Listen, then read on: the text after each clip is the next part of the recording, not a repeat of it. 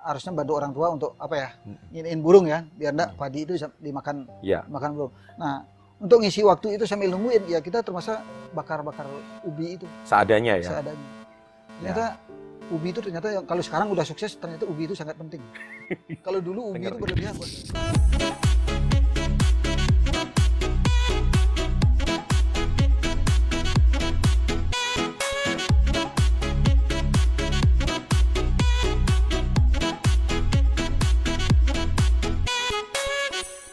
Nah, baik di part pertama kita sudah dengar kisah hidup Aji sampai usia 17.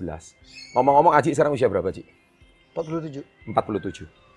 17 sampai akhirnya merintis usaha itu saya dengar usaha pertamanya konveksi ya. betul Nah, itu gimana perjalanannya? Boleh diceritain? ya sebelum konveksi ya merantau begitu keluar dari Ah. kamp- begitu keluar dari kampung Mm-mm. memutuskan sekolah karena Hmm. orang tua nggak mampu Hmm. kita lari ke Denpasar Hmm. nah sampai di Denpasar kita mulai berpikir waktu itu naik naik, naik truk Hmm. kebetulan kan di keluarga itu ada yang bawa barang bawa baju bawa Gandol truk gitu. ya gandol truk kan dia Ah. biasa Jawa Bali ya Iya, iya, iya. ngirim buah ngirim buah kan Nah, Iya, iya. di situ saya nu- numpang truk turun di daerah Ubung Ah, di daerah Ubung saya mulai berpikir saya merantau di Denpasar ini yang saya butuhkan hari ini adalah makan dan minum makan dan minum. Nah, kalau saya melewati la- jalan raya tidak mungkin dapat makan Hmm. dan minum. Akhirnya dengan pertimbangan itu akhirnya saya melewati jalan su- eh, melewati sungai.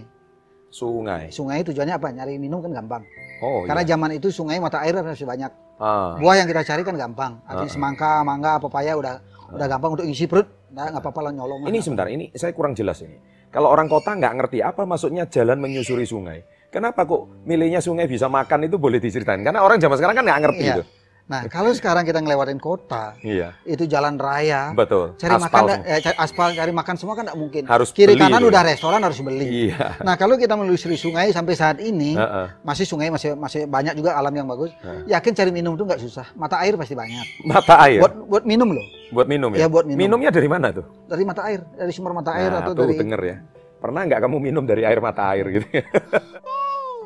sekarang juga biasa. Tapi sekarang udah biasa ya, Ya. keren banget. Artinya zaman dulu sekarang kita akan kenang lagi dan itu sa- ternyata sangat bermanfaat. Iya. Sangat bermanfaat. Bagi orang kota Anda nggak ngerti cerita Ya. ini. Jijik malu. Nah, Jijik malu ya, tapi nggak ada gitu. Bagi seorang owner yang hari ini bisnisnya udah omsetnya ratusan miliar triliunan tahunan, ah itu sampai sekarang masih bisa dilakukan. A very humble person, sangat sederhana banget. Terus setelah nyusuri sungai Nah, itu setelah nyusuri sungai, nah di situ saya nyari minum kan di mata air udah pasti ada. Terus termasuk juga dari air sungai kan. Hmm. Kedua makan yang saya cari adalah buah, semangka, eh, pepaya. Nah itu, itu pun gratis tuh. ny- nyuri. Oh nyuri, ya ya ya ya. Untuk isi perut kita nggak masalah Nah lah. tuh tuh tuh. Iya. Heeh, heeh. Nah setelah itu akhirnya saya- Dari ini ya eh, tanamannya orang gitu Ya ya. dari Hmm. perjalanan itu akhirnya saya tembus di daerah Sanur, Di daerah Sanur itulah saya pertama kali numpang di pos security. Oh security, Eh, di pos security dan tidur di pos security selama 2 tahun. oke. Dan Kan, di situ atas inisiatif saya sendiri sebagai di situ jadi tukang cuci mobil. Tukang cuci mobil. Atas Nah, itu inisiatif sejak- sendiri. Nah, dari penghasilan itu jadi eh, dari penghasilan jadi tukang cuci mobil mendapatkan penghasilan 2000 sampai 5000 per hari. Oke. Nah, dari hari kedua, hari berikutnya dan itu selama 2 tahun penghasilan saya 2000 sampai 5000 per hari dari dari hasil kerja cuci mobil saya bisa mengumpulkan tabungan senilai 150.000 Oke, itu selama berapa lama? 2 tahun. dua tahun dapat uang 150.000 ribu pada saat itu. Itu Ya. Dan gede banget ya. Yang Ji? harus- yang susah dibayangkan anak-anak sekarang adalah pernah beran- eh, ada nggak yang ber- eh, pernah tidur di pos security selama 2 tahun kecuali Pos yang punya security loh ya. kecuali yang punya Krishna. Kecuali yang punya Krishna. Keren, keren, keren banget. Ya ini sesuatu yang harus Anda eh, menjadikan satu bahan inspirasi. Dan tidur di pos security itu mandinya di mana sih? Manina kebetulan di hotel tersebut. Nah, di situ kan saya bukan jadi pegawai ya. Nah, cuman saya dikasih eh, pinjam tempat Ah, oleh ownernya di sana dan saya janji kepada yang pemilik hotel tersebut, saya janji eh, membersihkan halaman parkir, kebun dan mobil Oh, pemilik ter- hotel tersebut setiap hari. Dan diizinkan sama Diizinkan. pemiliknya.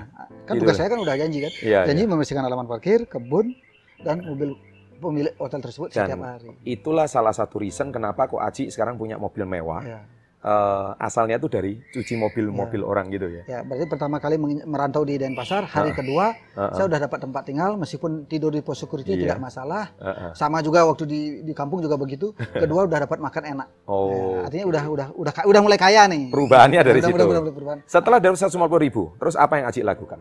Dengan modal uang 150 ribu dari hasil cuci mobil, uang itu saya belikan Honda sepeda motor Honda 70 yang Ya, kecepatannya tidak boleh da- lebih dari 70 cc. Ya, Nah, karena itu cc-nya dia. udah 70. Honda CC 70 nggak boleh lebih dari 70 km per jam. Ya, Oke. nah, modal dari situlah mulai saya berpikir udah saya harus berhenti melakukan aktivitas cuci mobil karena terlalu berat kan Iya. ya malam nah mulailah saya pe- cari pekerjaan pertama kali saya bekerja di Bali adalah di konveksi Sidarta nah Hmm. disitulah cikal bakalnya saya bekerja pertama kali di konveksi Sidarta dan tidak pernah kerja di tempat lain dengan modal sepeda motor model sepeda motor. Tahun berapa itu, Ji? saya nggak ingat ya mungkin kalau nggak salah tahun 88 kali 88. Waktu itu usia berapa, Ji? Kurang nggak lebih. ingat juga Nggak ingat ya. Hmm. Kalau lahir 71 88 tuh sekitar 17 tahun ya. kurang lebih 17 tahun ya Ya, waktu ya. itu ya. Nah, terus akhirnya Aci gimana sampai bisa 17 tahun itu terus bekerja keras di itu?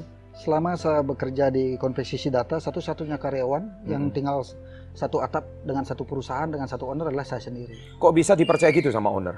Nah, karena waktu saya kerja di sana, Pak, izinkan saya eh, minta kerjaan di sini dan saya siap kalau Bapak tidak keberatan, saya izinkan tinggal di sini dan saya siap membantu pekerjaan di luar jam kantor. Nah, Hmm. satu-satunya karyawan yang tinggal di sana dengan satu owner dengan satu perusahaan adalah saya sendiri. Dengar ya, kalau Anda hari ini pengen mendapatkan kepercayaan dari orang kaya, orang sukses, lakukan yang seperti Aji lakukan. Jadi harus memberikan nilai tambah kepada pemiliknya. Saya siap melakukan pekerjaan keras. Dan itu mungkin dibutuhkan oleh owner. Nah, itu awalnya mungkin dipercaya dari situ ya. Iya. Eh, biasanya sih orang eh, karyawan tidak akan eh, jarang yang yang mau tinggal satu atap dengan satu perusahaan dengan owner. Betul. Saya yakin. Karena Yakin. otomatis kalau Nah itu tinggal- kiatnya gimana tuh? Kok bisa sampai ownernya tuh percaya gitu?